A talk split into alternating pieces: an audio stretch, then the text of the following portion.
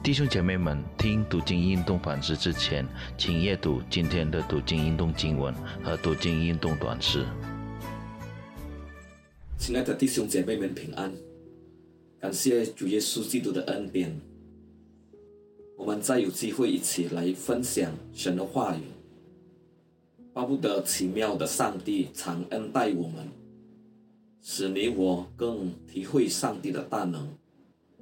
今天读经运动的反思主题是“上帝不任意”。我们阅读以赛亚书四十一章，请你们先读一遍。我们先来做个祷告。主耶稣基督，感谢你，因为你常恩待、保守、看顾我们，你的慈爱是永远长存。主啊，求你打开我们的心思意念。求圣灵光照我们的心灵，让我们明白你的话语。求你指示我们，奉靠主耶稣基督生命祷告，阿门。我们再看以赛亚书十一章一节到四节：众海岛啊，当在我面前静默；众民当从心得力，都要金钱来才可以说话。我们可以彼此辩论。随从东方兴起一人，凭公义照他来到脚前呢？耶和华将列国交给他，使他管辖君王，把他们如灰尘交于他的刀，如风吹的碎，皆交于他的弓。他追赶他们，走他所未走的道。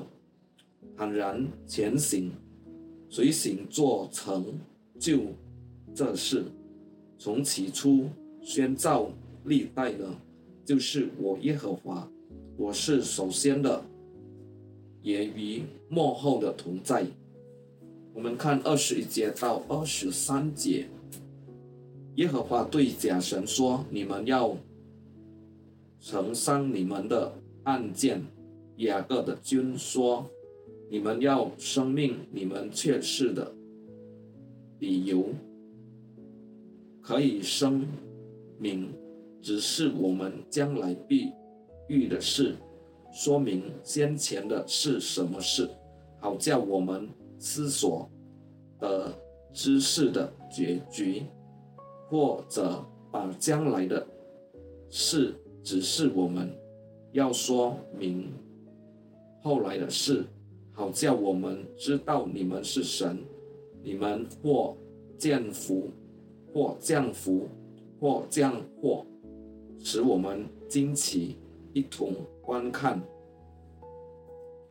亲爱的弟兄姐妹们，从以赛亚书四十一章，刚才我们所念的几节圣经，我们可以看到上帝宣布自己的作为。第一，他是光明公义的上帝。这个世界是不公平的世界，我们很难遇到有公平。有人会提出抗议，因为有些灵修、官员或者法官，他们是不正、不公平，他们做的决定是片面的。有的法官做决定，看情况。如果你有钱，他会说你的话；如果你我没有钱，他可能不会说我们的话。有这样的事，我们也不要感觉奇怪，因为在这个败坏的世界，我们根本找不到有公义。但是我们感谢主耶稣基督。他是万民公义的上帝，他不随便对待我们，他是漫有公义和慈爱。我们每个人可以到他的面前得到满足。公义的上帝，他自动要拯救万民，他本来不任意审判我们，他要拯救我们每一个人。所以主耶稣基督来到这个世界上。要寻找拯救我们每一个人。第二，他是帮助他的选民的上帝。我们看第四节是一节，这样说：你不要害怕，因为我与你同在；不要惊惶，因为我是你的神，我必兼顾你，我必帮助你，我必用我公义的手，右手扶持你。凡向你发怒的，必都暴愧蒙羞；与你相争的，必如无有，并要灭亡。弟兄姐妹们，谁是他的选民呢？不错，是以色列人，因为救恩先领到犹太人，但是他们不信，然后福音上帝的救恩也传给外邦人，所以在属灵方面，我们也是以色列人，因为上帝拣选我们，我们是上帝的儿女。他所拣选救赎的，我们都感谢主耶稣基督。所以慈爱的上帝不会撇下他的儿女，他要帮助我们每一个人。当我们落在困难的时候，他要恩待我们，常与我们同在。所以在每天的生活，我们应当来到他的面前，祈求仰望他。第三，他是掌权宇宙和万物的上帝。二十七到二十九节是这样说：我首先对西安说：“看呐，我要将一位报好信息的赐给耶路撒冷。我看的时候，并没有人；我们的时候，他们中间也没有谋士。”可以回答一句：看呐，他们和他们的工作都是虚空，皆是虚无。他们所住的偶像都是风，都是虚的。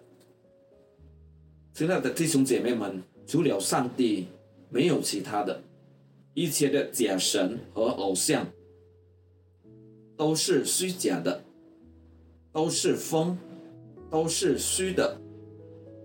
因为上帝是创造宇宙和万物，他是独一的真神，就是全能的上帝。虽然他是创造者，我们是被造的，我们是泥土，我们是很渺小，但是上帝还看重我们，是在他面前的宝贝。真的，我们是在上帝的面前。是这么宝贵，所以我们应当要感谢我们的上帝，我们要常常仰望依靠他。我们低头祷告，感谢主耶稣基督拣选拯救了我们，使我们得到更丰盛的生命，或在这个世界更有意义。求主耶稣不断的恩待保守看顾我们，让我们在这个世虐待的世界，可以荣耀你的名。奉靠主耶稣基督圣名，祈求祷告，阿门。愿上帝赐福你们。